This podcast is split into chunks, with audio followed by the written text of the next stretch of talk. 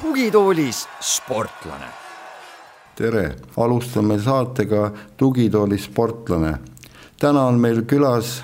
Eesti Olümpiakomitee spordidirektor Martti Raju ja meie kokkusaamise põhjus on väga lihtne ja selge. nimelt jääb Tokyo olümpiamängudeni täpselt üks aasta noh, tava, tavainimese seisukohast võib see tunduda veel oi-oi kui pikk aeg, aga tegelikult eh, sportlaste ja ametnike seisukohast võib vist öelda, eh, Martti, et on alanud juba finišispurt. No kas nüüd päris, päris finišispurt, aga, aga laias laastus eh, selline üldplaan on kindlasti juba olemas ja hea näide on see, et, et me konteiner, mis hakkab siis seisma purjetajate võistluspaigas, on juba teele saadetud, et, et tal on küll mitu vahepeatust, aga, aga Eestisse ta enam tagasi ei tule, nii et, et osaliselt võib öelda, et juba kolitakse sinnapoole, jah jah, et jällegi see on huvitav olukord, et, et tavaline spordikauge inimene ei suuda seda mõistagi, et üks aasta ja räägi natuke seda logistikat, et mis seal teha tuleb ja kus kaudu see siis läheb? noh, sel konteineril on tegelikult pikem teekond, et ta kõigepealt äh, läks nüüd Jaapanisse ja, ja oli siis äh, nende paatidega seal, kes seal võistlesid, et, et äh, seal oli päris mitu võistlust, siis vahepeal võib-olla käib ta ära Uus-Meremaal ja, ja tuleb siis sealt otse Jaapanisse tagasi, ehk äh, olümpia ajal selle konteineri otstarve ongi see, et ta on äh,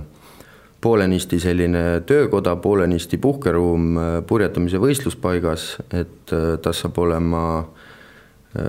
konditsioneer ja, ja, ja kõik vajalik, ehk, ehk purjetajad veedavad siis selle konteineri ümbruses või sees enamuse oma päevast, äh, oodates siis starti või, või äh, pärast võistlust siis oma paati putitades, et äh, et lihtsalt kuna sinnapoole teda juba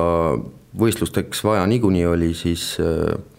siis sinna ta ka võistlusteks nüüd jääb, et, et kui tal seal vahe, vahelõike veel tuleb, siis tuleb, aga, aga põhimõtteliselt on,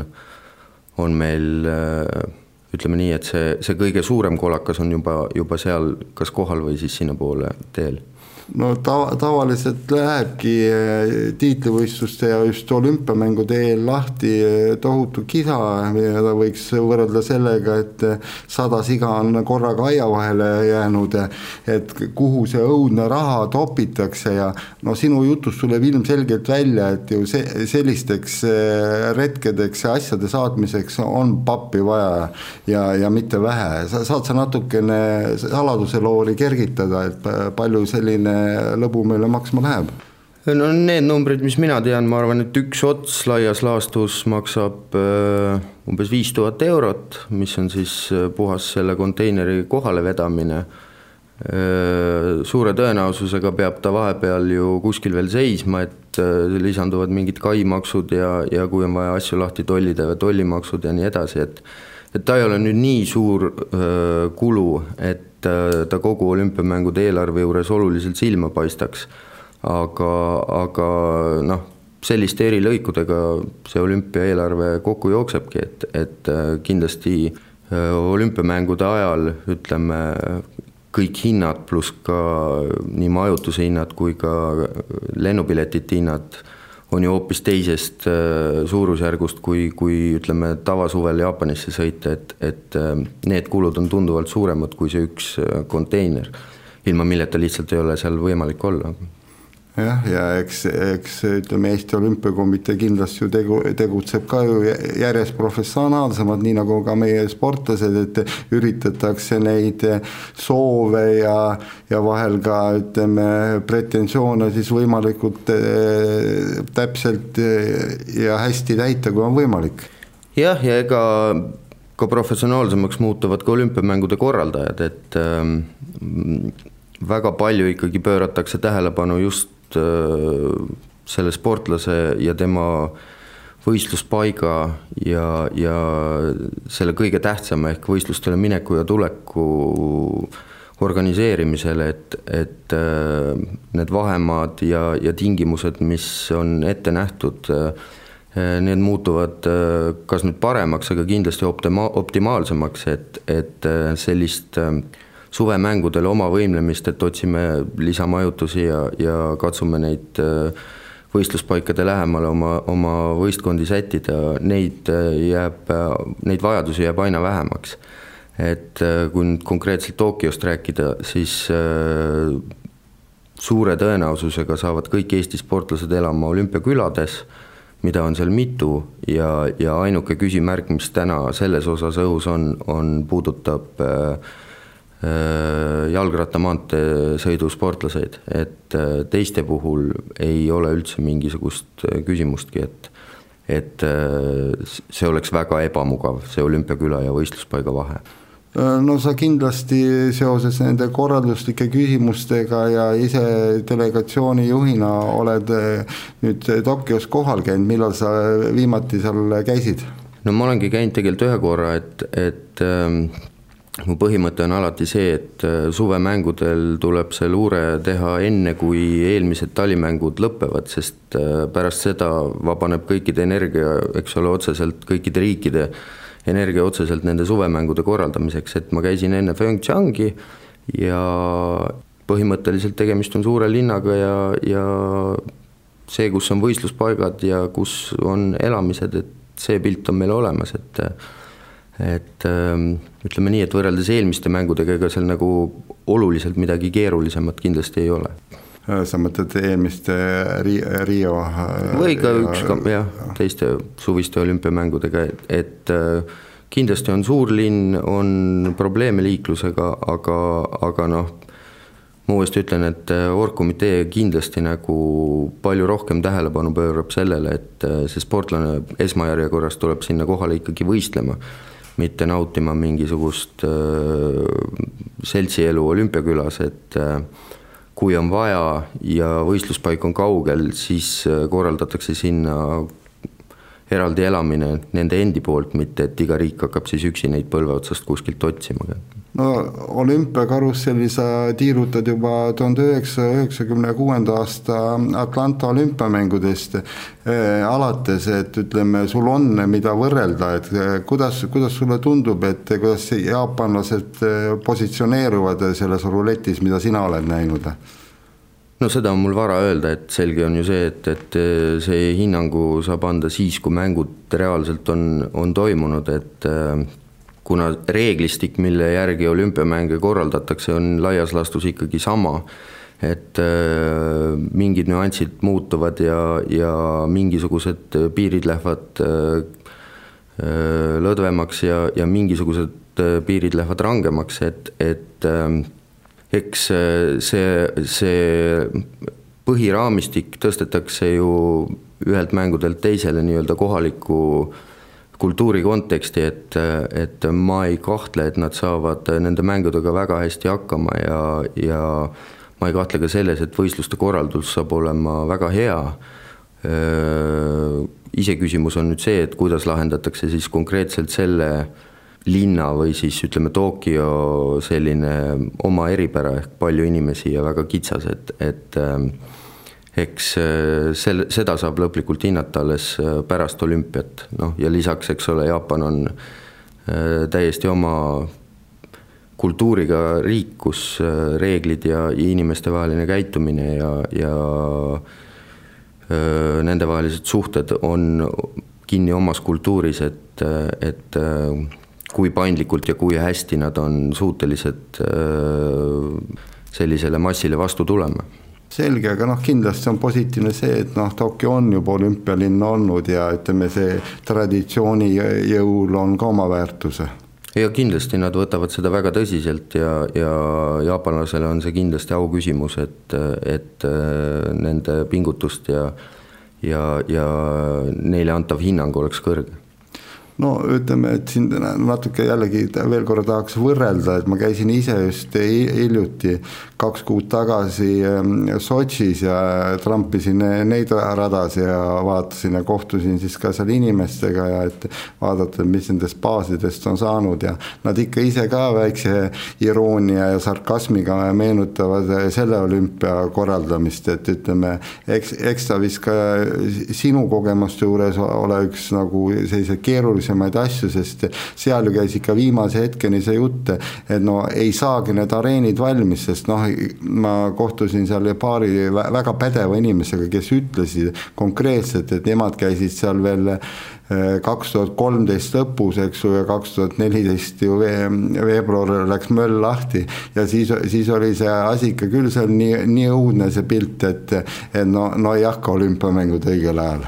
noh, seal tuleb kahte asja vaadata, üks asi on ju see, et, et äh, võistluspaik äh, kui selline on äh, ühelt poolt ikkagi mõeldud, eks ole, sportlasele ja selles, et ta sportlase jaoks valmis saab, selles ei ole küll mingit kahtlust, et võistlused saavad peetud ja, ja medalid saavad jagatud. teine, mis olümpiaga kaasas käib, on, eks ole, pealtvaatajad ja turistid ja, ja kogu see ümbritsev mass, mis sellega kaasneb, et kui mugav nüüd see nende elu saab olema, see ongi võib-olla asi, mis alati enne või, või pärast küsimusi tekitab, et noh, istmed ei olnud sellised ja tribüün oli liiga väike ja nii edasi, et aga aga kahelda nüüd selles, et sportlane ei saa seal võistelda, ehk see nagu äh, põhieesmärk, see saab seal kindlasti olema täidetud ja Sotšis oli ju tegelikult sama lugu, et, et kui sa sportlase äh, vaatevinklist vaatad, siis äh, vaieldamatult number üks taliolümpiamäng, mis äh, minu kogemuses on, oligi Sotši. et äh, sportlase jaoks oli seal küll kõik käe-jala juures ja, ja väga mugav ja samamoodi kolm eraldi olümpiaküla vastavalt võistluspaiga asukohale, et sportlase seisukohalt oli, oli küll tehtud kõik väga hästi, iseküsimus oli jah see, et kui mugav see oli pealtvaatajale, et sõita sealt alt linnast kuskile üles mägedesse ja, ja nii edasi, aga aga seal tulebki vaadata nagu kahte poolt, et, et ma arvan, et äh, sportlase seisukohast saab küll kõik olema väga okei okay,, nii nagu ka Sotšis. et äh, kuidas nüüd see pealtvaataja oma hotellist tribüünini jõuab, et see kindlasti saab olema neile väljakutse äh, on sul infot, teavet selle kohta, et kui palju Eesti turiste Tokyo mängudele saab minna või, või tahab minna? No me juba väga pikka aega kasutame oma suurepärast koostööpartnerit Estravelit, kes omab Eesti territooriumil õigust äh, olümpiamängude võistluspileteid müüa, et äh, äh, mingisugused tellimused ja eeltellimused on neil juba tehtud ja, ja nüüd kui palju neid ostjaid on või, või kui palju neid plaanijaid on, siis ma arvan, aasta varem neid väga palju ei ole. aga, aga reeglina ikkagi enne mänge, kui hakkab ka see selguma, kes Eesti sportlastest seal siis võistlema hakkavad, äh, neid ikka tekib, et, et äh, ma usun, äh, kindlasti sinna minejaid on, kuigi nii kalleid võistluspileteid ei ole ma veel kunagi näinud, kindlasti on see hinnatase kõvem kui kõik eelmised mängud on olnud ja Tokyo ise on ka suhteliselt kallis linn, aga noh,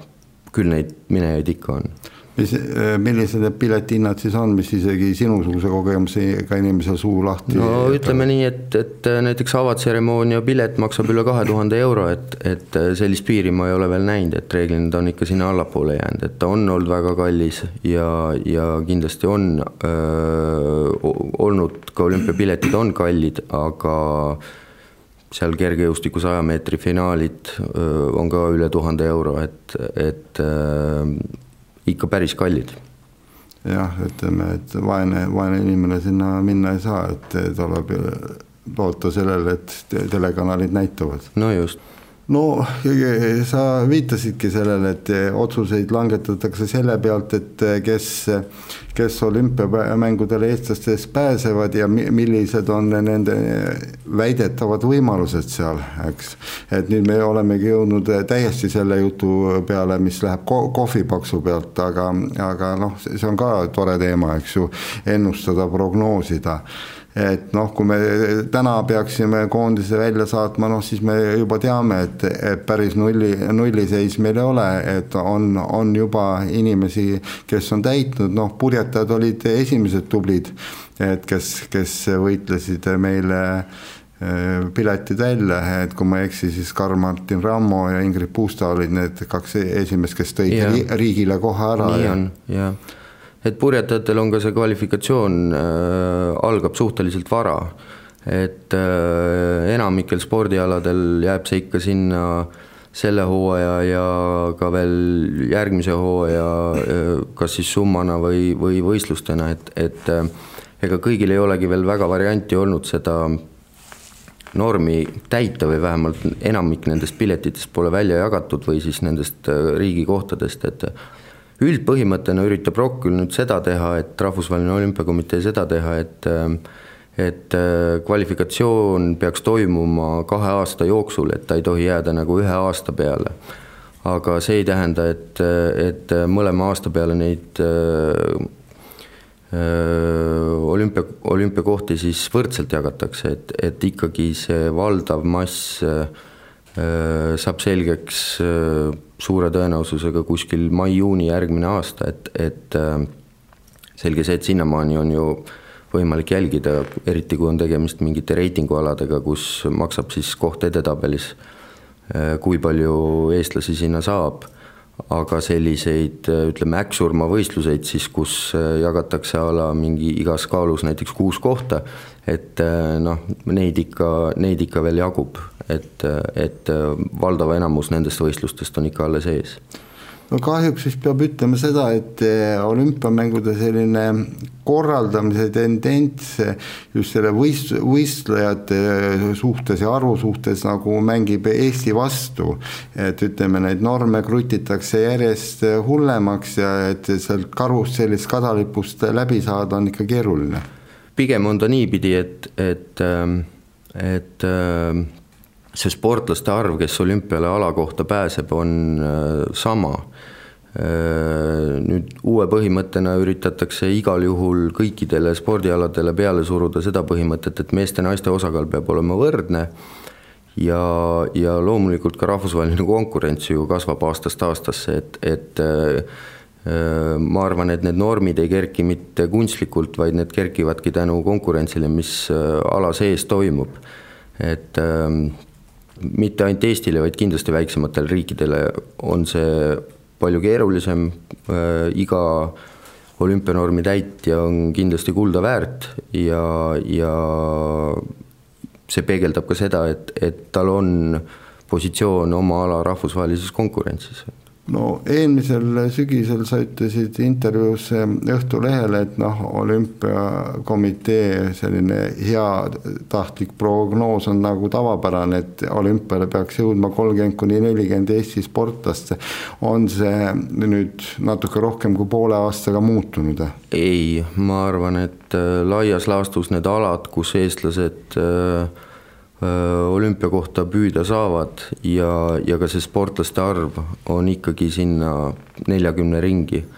et, et äh, nelikümmend pluss miinus viis, ma arvan, on see, mis on reaalne. et, et ega ütleme, need uued alad, mis sinna võistlusprogrammi on võetud ja ka need alad, kus eestlased pole reaalselt, eks ole, viimase paarikümne aasta jooksul Äh, olümpiale kvalifitseerunud, et, et äh, nende üllatust oodata on, on äh, suhteliselt keeruline, ma arvan, me räägime ikka nendest oma kaheteist-kolmeteist spordialast ja ja, ja sama suurest suurusjärgust, kui suvemängudel ikka on olnud, et et ma ei usu, et see jääb oluliselt alla või väiksemaks, aga kindlasti ei ole ta ka mingisugune rekord jah, et kvalifitseerumistingimused on ju meie sportlaste jaoks eh, olümpiakomitees pandud eh, paika koguni kahekümnendal alal ja muidugi see ei tähenda seda, et kui peaks tulema heas mõttes hulle uusi üritajaid teistel aladel, et kellelgi nii-öelda tee püsti oleks, eks ju, saavad. See otsuse põhimõte oli tegelikult selles, et me kinnitasime needsamad rahvusvahelised normid nii-öelda Eesti normideks nendel spordialadel, keda me selle otsuse tegemise hetkel reaalselt ka olümpia ettevalmistuse rahastamises äh, toetasime. et, äh, et äh, põhimõtteliselt, kui keegi ma ei tea, mis ime läbi peaks täitma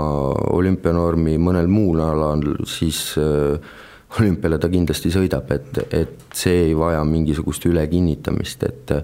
lihtsalt see põhimõte ja nende, selle otsuse tegemise põhimõte oligi see, et kuna äh, need rahvusvahelised normid on nii-öelda miinimumnormid kõikidele riikidele ja on riike, kes äh, omavad nii kõva positsiooni, et nad võivad neid veel kergitada endi jaoks, ehk äh, mõnes riigis see rahvusvahelise normi täitmine ei tähenda sportlase sõitmist olümpiale, siis meie mõte oligi see, et, et me oleme alati enne mänge pannud paika selle mängureegli, et kui keegi olümpianormi täidab, siis ta ka sinna sõidab. Jah, ja et tegelikult, kui me vaatame nagu sellist üldpilti, siis tegelikult nagu see lootused on ju päris head, et eh, praeguse hetke seisuga heatahtlikult me võime vähemalt eh, kümme olümpiamedali kandidaati isegi kokku lugeda Eestile. no eks need õige hetk neid kandidaate vaadata on ikka sel samal hooajal, kui eh, olümpia toimub, et, et eks, eks see selle aasta tase kindlasti ei, ei pruugi peegeldada ju järgmise aasta reaalset taset, et, et Äh, olümpiahooaeg kindlasti on kõrgema tasemega kui äh, tänavune või eelmine, et, et äh, ma arvan, siis on, siis on ju selge, kui palju ja mis aladel eestlased on suutelised kõrge koha eest konkureerima, et täna on see küll alles selline noh, eelaimus või, või arvamus, et ei muud no sinul on kindlasti palju parem teave kui, kui minul, et, et kui tõenäoline nüüd on see, et mõni uus, täiesti uus eestlaste jaoks ala jõuab olümpiamängudele, noh eestlaste mõttes, et kus varem, varem pole olnud, et see iluvõimlemise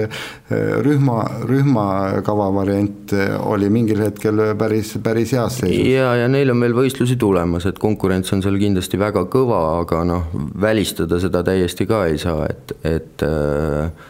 äh, täna nad selle nimel töötavad ja, ja, ja äh, minu arust septembris on neil maailmameistrivõistlused, et, et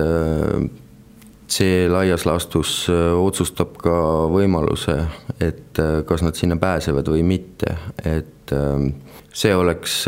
jah, mitte võimlemine kui, kui spordiala, eks ole, on enne ka olümpial olnud, aga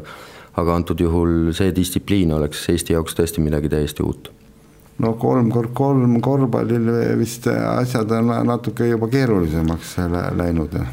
seal on ka see kvalifikatsioonisüsteem äh, veidi jabur, et äh, reaalselt ei pääse olümpiale mitte, mitte need võistkonnad, kes ühel konkreetsel võistlusel kõrgeid kohti saavutavad või saavutaksid, vaid äh, pääsevad need riigid, kus kolm-kolm äh, korvpalli hästi laialt harrastatakse, hästi palju võistlusi läbi viiakse ka nii-öelda kohaliku tasemel, tasandi võistlusi ja, ja see kõik annab riikide reitingusse punkte.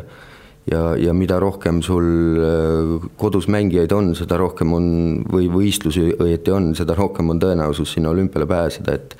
et äh, selles reitingus me kindlasti ei konkureeri aga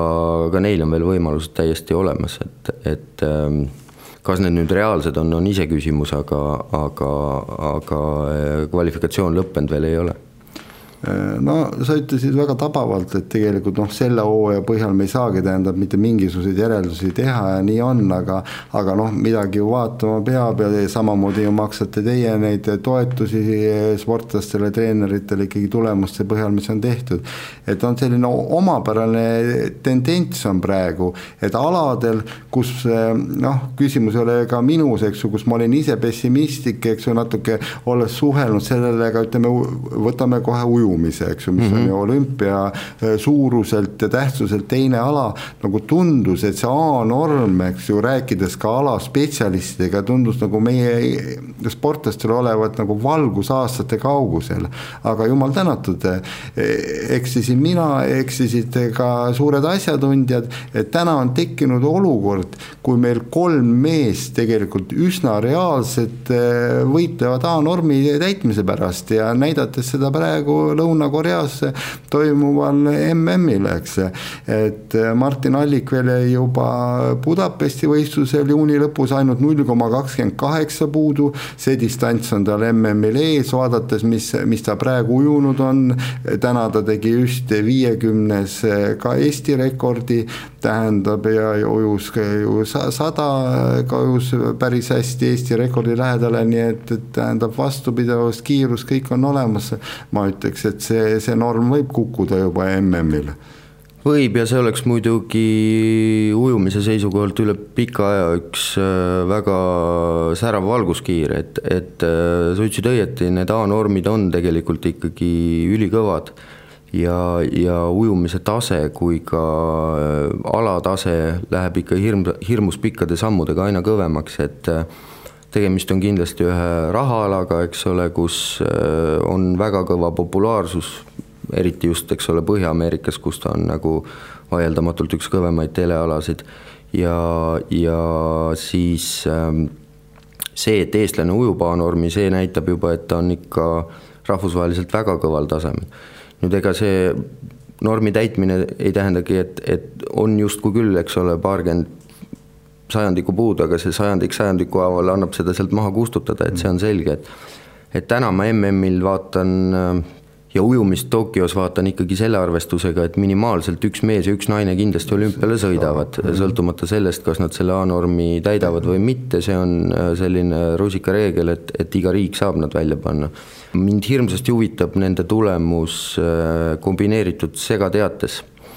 ehk äh, MM-il jagatakse välja ka need piletid ehk kaksteist riiki, kes saavad automaatselt koha Äh, mis tähendaks ka seda omakorda, et isegi juhul, kui Eestist äh, ühtegi A-normi täitjat ei ole või isegi juhul, kui neid on kaks, äh, näiteks üks mees või üks naine või kaks meest, üks kamma kuidapidi, siis reaalselt saaks Eesti välja panna neli sportlast ujumises, mis oleks nüüd sellest ajast alates, kus see B-normi väärtus tegelikult nulliti nagu totaalselt ära ehk B-normiga tegelikult olümpiale keegi praktiliselt ei sõida, sõidavad ainult need nibin-nabin A-normist äh, natukene allapoole jäävad iga distsipliini üks või kaks sportlast, eks ole, üle maailma.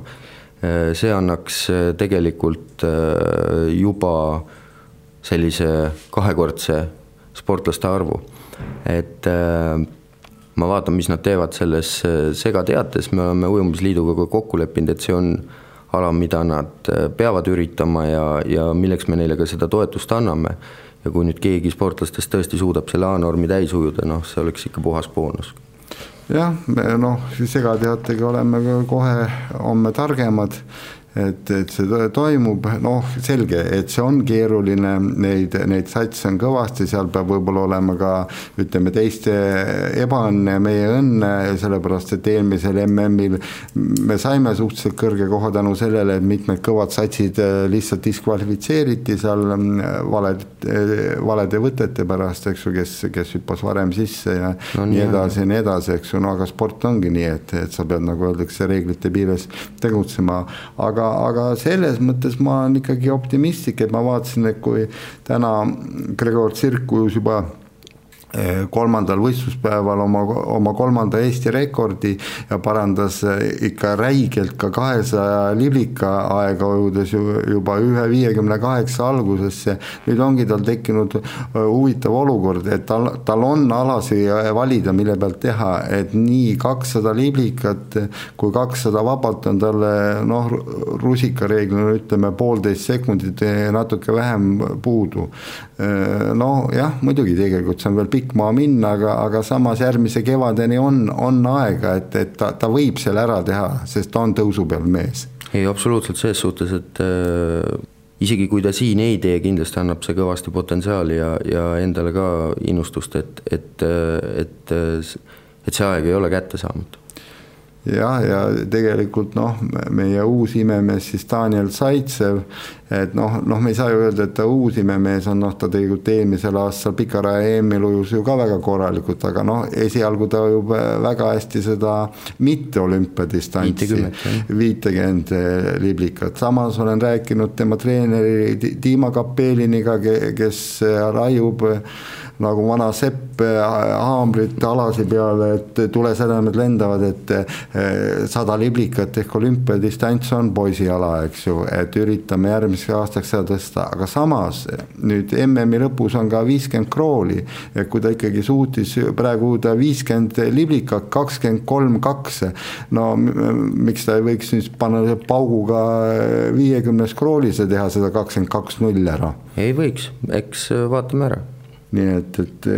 seis on huvitav ja, ja ma olen, ma olen ka juba kommentaaris kirjutanud endale tuhka pähe, raputanud, et ma eksisin ja, ja ütleme, selliseid eksimusi on nagu ka tore tunnistada, eks ju. et ütleme, kui sa oled võtnud sellise heas mõttes pessimistliku fooni, aga siis tuleb nagu, eks ju, et sa ei, mitte sa ei võitle, võitle nagu sportlaste vastu, vaid sa üritad ise olla nagu jälle täpne ja vaadata seda nagu nivood, aga, aga vot see ongi ju spordi võlu, kui tulevad välja sport sportlased, kes panevad laksti ja nüüd jõuame nüüd selle teise teema juurde, et need alad, mis meil on nagu väga kõvad olnud ja, ja meie traditsioonilised alad praegu on natuke nutusemas seisus, ütleme, ütleme, kui me vaatame, kuidas sõudjad piinlevad,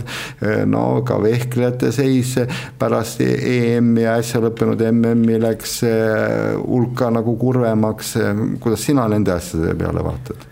No selge see, et eks see oli hea äratus, et, et äh, naiskonna puhul eriti, et, et äh, siin ei käi ju jutt ainult sellest, et, et äh,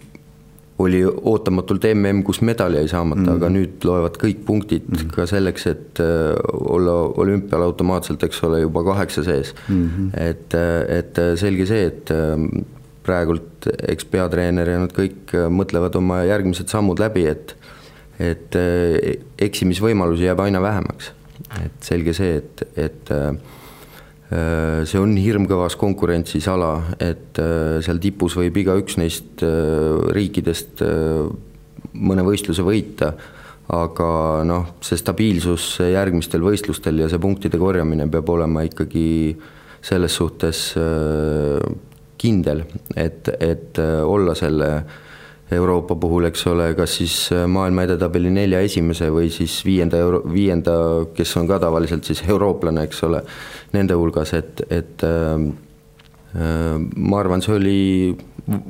võib-olla oli hea, et, et, et äh, ärkamise hetk on, on olemas. ja sõudjate puhul on ju alles MM ees, et, et äh, Äh,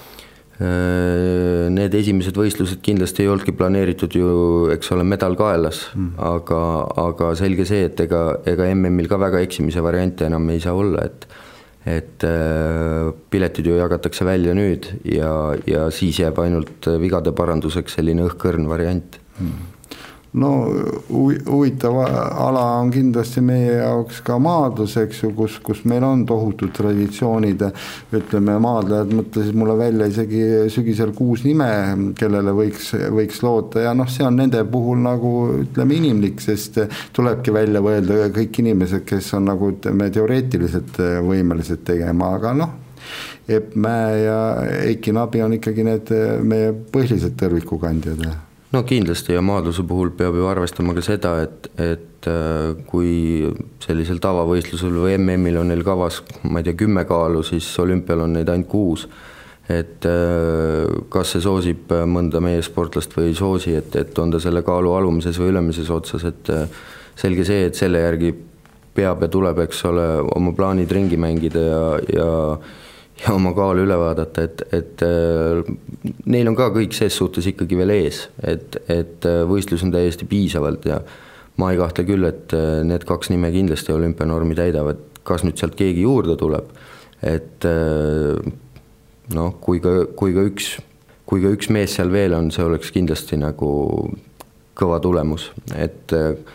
kuut Eesti maadlejat olümpial ma kindlasti ei usu, aga, aga kolm oleks täiesti perfektne no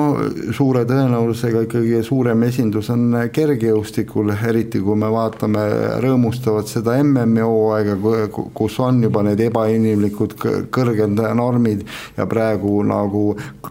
inimesed täidavad neid eh, hoogsalt, eks ju, üllatavalt hästi. noh, kergejõustikus on muidugi selline ka natuke pooltotter olukord, et justkui kvalifikatsiooniperiood on alanud juba, aga teistpidi veel kuskil novembrikuus see täpsustatakse otsustatakse, noh, no ütleme, seal käib selline ilmselt apteekri töö, et, kuskil sentimeeter ülesse, kuskil sentimeeter alla, noh, kui räägime nii-öelda kõrgushüppes ja ja, ja võib-olla kaugushüppes seal viis sentimeetrit siia ja sinna, sest noh, tõesti need tulemused on viidud müstilisteks, et kui me võtame praegu, rõõmustasime Kristo Kaleta, noh, tõelise vanameistri, kolmekümne kuue aastase mehe täistabamus üle kakskümmend seitsekümmend kuus, mis tähendas MM EM-i normi täitmist, eks, aga, aga tänase seisuga on veel olukord selline, et olümpial ta nagu polegi, eks ju. noh, kergejõustikus on pigem ma ütleks, et see norm on ju ka nii-öelda muutunud selliseks vähem oluliseks, kui ta siiamaani oli, et, et äh, igal distsipliinil on ju paika pandud see sportlaste arv, mida rahvusvaheline alaliit tahab seal näha, et tegelikult see koht sellises edetabelis on täna isegi äh, parem indikaator kui see, kui see potentsiaalne norm, et, et Rahvusvaheline Kergejõustikuliit eelmistel olümpiatel tegelikult kasutas sellist versiooni, et ta kinnitas need normid koos teistega, siis ootas selle nii-öelda aasta varem toimuva MM-i ära ja muutis neid norme. et täna nad tegelikult on selle nii-öelda kohvipaksu normi lihtsalt ära jätnud ja ootavad selle MM-i, mis oktoobris tuleb, eks ole, ära ja, ja alles siis äh, kinnitavad need normid, mis, mis tegelikult ei ole võib-olla midagi uut, et, et äh, pärast eelmist nii-öelda olümpiaeelset MM-i on alati neid norme muudetud, kas siis üles või alla. aga, aga pigem on nagu hea indikaator kergejõustikul see edetabel ja see nii-öelda sihtnumber, mis distsipliin äh, kohti olümpial saab, et, et ma arvan, eestlaste jaoks on see isegi nii-öelda kindlam variant, kui omasid jälgida, et mitmes ta on seal maailma edetabelis, et, et et mitme, mitmes ta oma tulemusega seal on, et, et see tõenäoliselt annab isegi sellise parema versiooni potentsiaalsest koondisest, kui, kui see kosmiline norm, et mm -hmm. et ega neid normitäitjaid väga palju ei tule, see on selge mm, -hmm. üle maailma no tähendab, ütleme kergejõustikus on üks rõõmustav nagu tendents veel, et no pikka aega vanakaru Gerd Kanter oli see mees, kes neid medaleid sealt noppis ja noppis tiitlivõistlustelt ja noh, kardeti seda, et et siin neid ajakirjanduses kasutati igasuguseid klišees ja, ja väljendeid, et et ei tea, mis sealt Kanteri lai, lai, laiade õlgade tagant paistab ja et koondisel on lõvipea ja hiiresaba, aga tegelikult on olukord läinud selliseks, et koondis on muutunud ühtlasemaks ja samas nagu eelmine aasta sümboolselt Berliini EM-il toimus see teatepulga vahetus ja absoluutselt teatepulk jäi nii kindlalt kätte, et Gerd lõpetas lõpetas vanameistrina hiilgavalt viienda kohaga EM-il ja Magnus võttis selle pulga vastu ja, ja sai oma esimese tiitlivõistluste medali rauhti kätte ja kui vaadata tema nagu praegust nagu stabiilsust, kus ta nagu heas mõttes raiub iga võistlus kaheksakümmend viis pluss, eks ju, no, no see annab, annab optimismi, et, et meil on ka kergejõustikus medalit loota. ei kindlasti, et äh, aga noh, jällegi, et, et äh, ees on üks oluline mm ja, ja siis hirmus pikk aeg kuni olümpiani, et, et, äh, et selles suhtes võtame rahulikult ja, ja vaatame, et ma arvan, et kergejõustikus tegelikult olümpiale sõidab päris palju sportlasi Eestist, et, et suurusjärgus viisteist sportlast, ma arvan, on täiesti reaalne. ja, ja see, kes medali peale võistleb, eks, eks see on ju selge, eks ole, järgmine aasta. täpselt, ma jagan su optimismi, et vaadates praegust seisu võib tõesti kergejõustikus olla viisteist sportlast koondises ja ja noh, siin ma toongi nagu välja selle eilse uudise, et võib-olla paljud inimesed, kes on nagu spordist nagu päris kaugel, mõtlevad, et Johannes Erm nüüd loobus tänavast kergejõustiku MM-ist, et mees, mis sa teed, et, et sa panid sellise laksu ära, tõusid maailma edetabelis viiendaks, et noh, et tegelikult mine võta oma kõrge koht ka MM-il välja ja, ja mine tea, järsku saab isegi medali peale, et kui seal mõni kaotab, aga mina ütlen, Johannes tegi väga õige otsuse, et natuke, kui me vaatame selle tausta peale, siis USA-s noh, õnneks on ta muidugi seal Küprianu grupis, kes on väga mõtlev treener ja loob ka poistele nüüd need võimalused, et nad ei peaks selles USA kadalipus ennast tühjaks tõmbama, vaid nad saaksid teha seal vähemvõistluse, aga ikkagi, kui me vaatame, millal ta võistlema hakkas, eks ju. ja kui ta nüüd oleks venitanud oma hooaega vägisi oktoobrisse, eks ju, ja juba on väikesed vigastused all, eks ju, see oleks võinud tähendada olümpia mõttes, eks ju, kabeli, kabeli kabelimatsu? no ma absoluutselt usaldan Küpriano otsust, et, et äh, selles suhtes ta on nii kõva ja kogenud treener, et, et äh, vaevalt ta nüüd lihtsalt ütles, et kuule, ma ei viitsi minna, et, et ära siis sa ka mine mm, -hmm. et ilmselt oli see läbimõeldud otsus ja, ja noh, see tulemus räägib iseenda eest, et et äh, number on nii korralik, et, et ennast uuesti lõhkuma hakata võib-olla ma, ma jään nende otsuse usaldajaks no ütleme nii, et me võiksime siin praegu lõputult jääda rullima selle, nende Eesti šansside üle ja see ongi rõõmustav ja tore, et neid variante on, eks ju, ja, ja noh, kujundlikult jälle öeldes, sipelgad püksis on meil kuni kevadeni, et, et kui me vaatame neid kvalifikatsioonide lõppe ja et, et kus tuleb ja kus ei tule ja, ja küllap see saabki nii olema, et mõne, mõned nii-öelda nii-öelda suure potentsiaaliga ja nagu sellised lootusrikkad sportlased isegi kahjuks kõrbevad ja samas hüppavad koondisse mõned üllatusnimed. no kindlasti, ega siis äh, kõige lihtlabasem vigastus võib kõik ära nullida, et, et ähm, päeva lõpuks äh, nimekiri, kes meil olümpiale sõidab, äh, ei ole ka ju kinnitamise hetkel veel sada protsenti kindel, eks ole, et, et ka koondise ülesandmise ja päris võistluse vahele jääb veel piisavalt pikk aeg, et, et kõike võib juhtuda, aga noh, ütleme nii, et laias laastus oma alasid ja, ja oma sportlasi ja, ja äh, kvalifikatsiooninorme võrreldes nende tasemega me ju teame, et, et äh, enam-vähem see kontingent, kes sinna saab minna, on ju selge. no et jälle kuulaja mõtleks, et mis juttu see Martti Rahu nüüd räägib, et mis vaimusi ta välja kutsub, siis ma,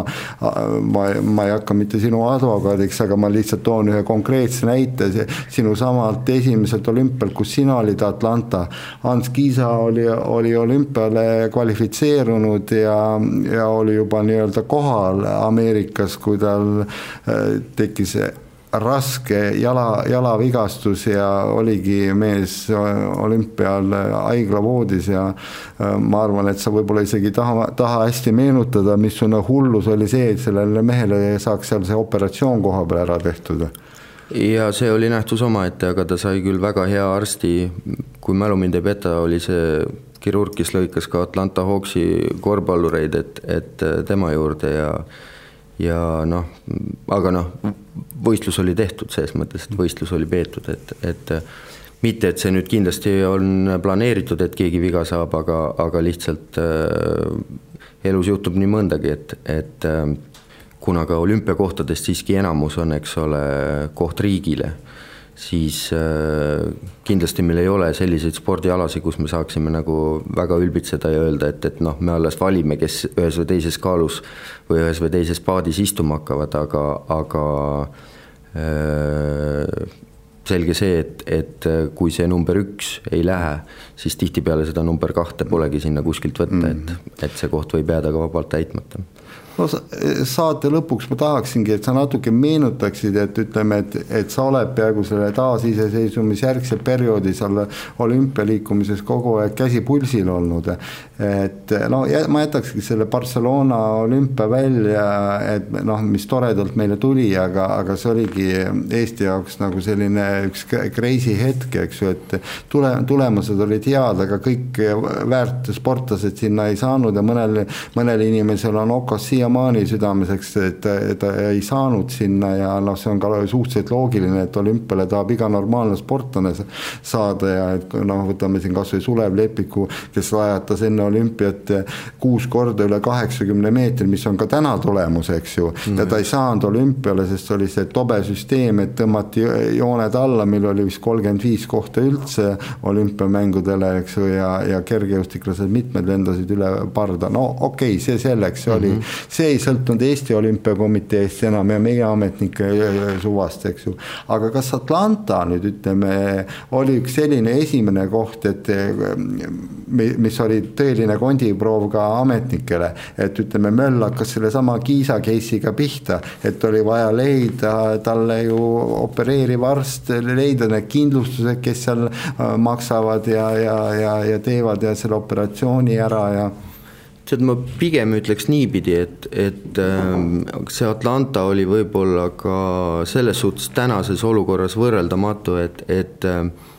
nii reeglid kui raamid kui ka korralduste,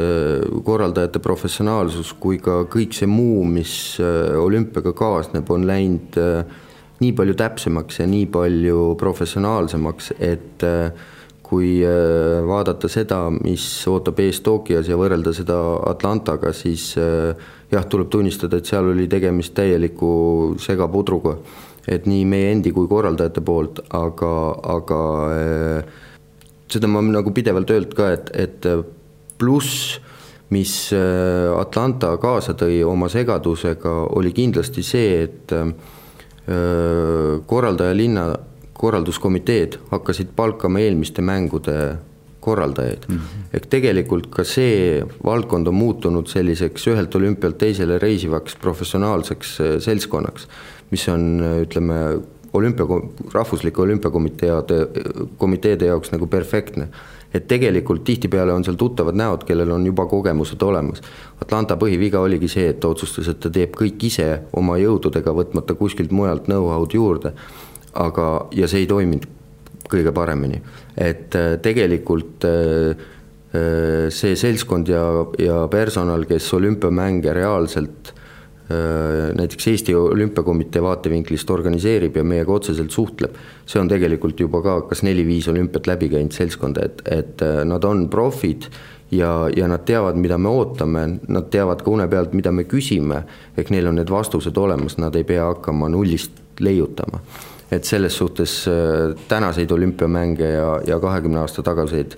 ei, ei olegi väga võimalik võrrelda, et, et äh, see on muutunud omaette selliseks professiooniks, on, on olümpiamängude korraldamine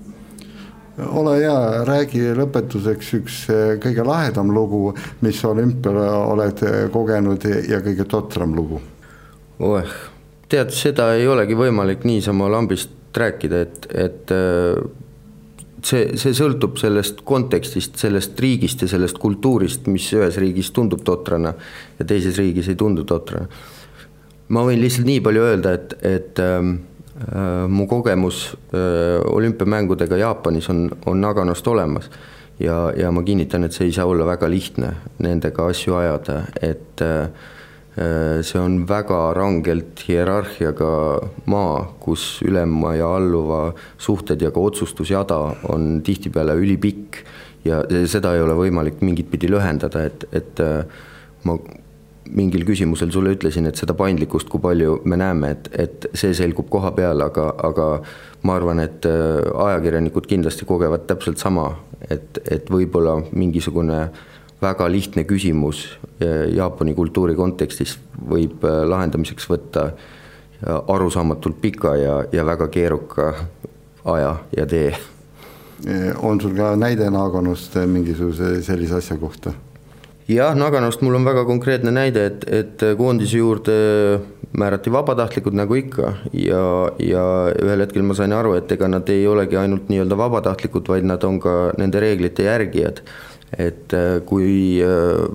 mul oli olümpiakülas nelikümmend tühja voodit ja kaks koondise liiget jõudsid kohale, kellel tolle aja akrediteeringute sellisel eripäral, mida enam ei eksisteeri, ei olnud siis justkui õigust ööbida olümpiakülas, siis äh, kui ma tahtsin need kaks murdmaa hooldemeest jätta sellesse olümpiakülla üheks ööks, et mitte kell üksteist või pool kaksteist öösel hakata neid mägedesse vedama, siis äh, vabatahtlikud juba helistasid, et nüüd toimub midagi, mis ei ole plaanipärane. Et mul ei olnud väga valikut, kui kuulutada nende tööpäev lõppenuks ja saata nad minema ja siis kutid magama saata, et et äh, see on paratamatult selles riigis see reeglitest kinnipidamine on nii jäik ja, ja, ja nii range, et, et noh, see ei olnud mingi kriminaalne tegu, et neljakümnes tühjas voodis magaks kaks eestlast. Äh, aga kuna see nende mõistes oli reeglite rikkumine, siis nad olid valmis neid ükskama kuhu välja eskortima, peaasi, et nad nüüd seda kohutavat reeglit ei rikuks. Selge, aitäh, et tulid saatesse, oli, oli huvitav kuulata neid eh, sinu mõtteid ja ma arvan, et sa oled minuga nõus, Tokyot tasub oodata ja et, et me kogeme seal rohkem rõõmu kui, kui kurbust. absoluutselt, kindlasti oh..